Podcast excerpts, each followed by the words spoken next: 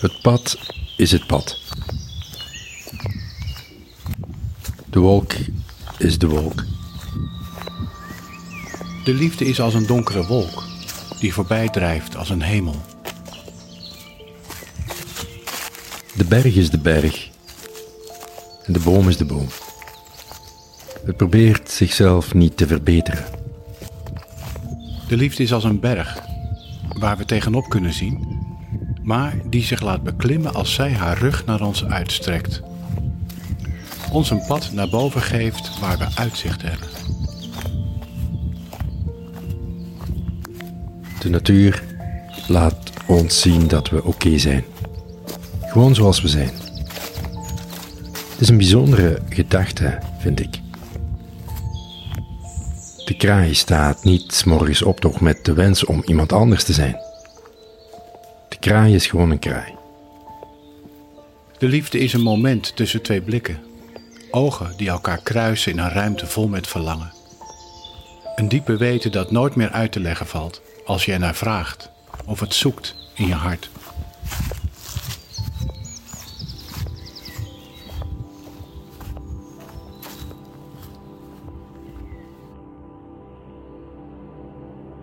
En de natuur en zijn elementen tonen ons de weg om gewoon tevreden te zijn met wie we zijn.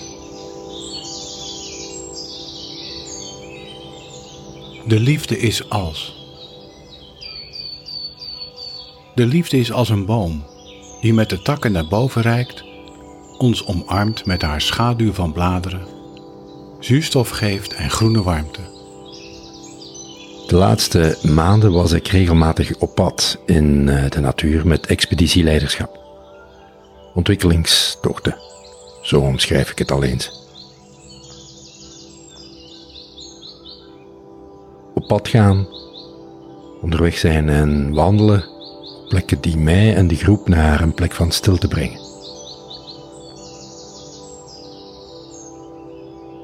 De liefde is als een bloem die ontluiken zal, nog in de knop vol verwachting van kleur.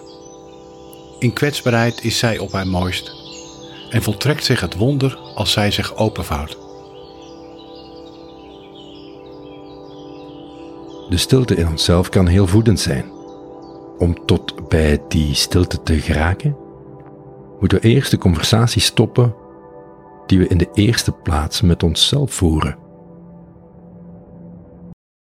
Hoeveel vrienden zou je nog hebben als je met hen zou spreken zoals je met jezelf praat? Ben je hard voor jezelf? Wil je niet te vaak iemand zijn die je in essentie niet bent? Kan je aanvaarden dat je genoeg bent, zoals je bent? De liefde is als de oerkreet van deze aarde.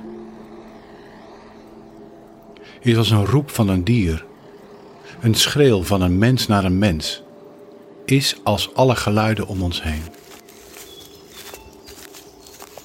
De liefde is nooit stil en verstomt nooit.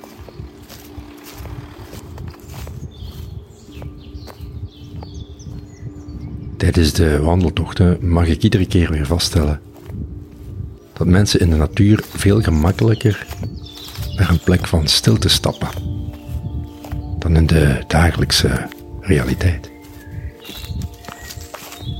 Om dan vanuit de plek van verstilling niet alleen zichzelf beter te zien, maar ook de andere deelnemers waarmee we onderweg zijn. Elkaars essentie zien in plaats van de eerste lijnsverhalen, overtuigingen of meningen op te nemen. Ja, wonderlijk vind ik dat. Het is misschien wel de grootste reden waarom ik doe wat ik doe bij die ontwikkelingstochten bij expeditieleiderschap.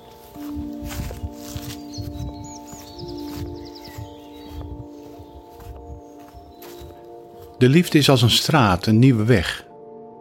Eenmaal ingeslagen wil je niet meer terug.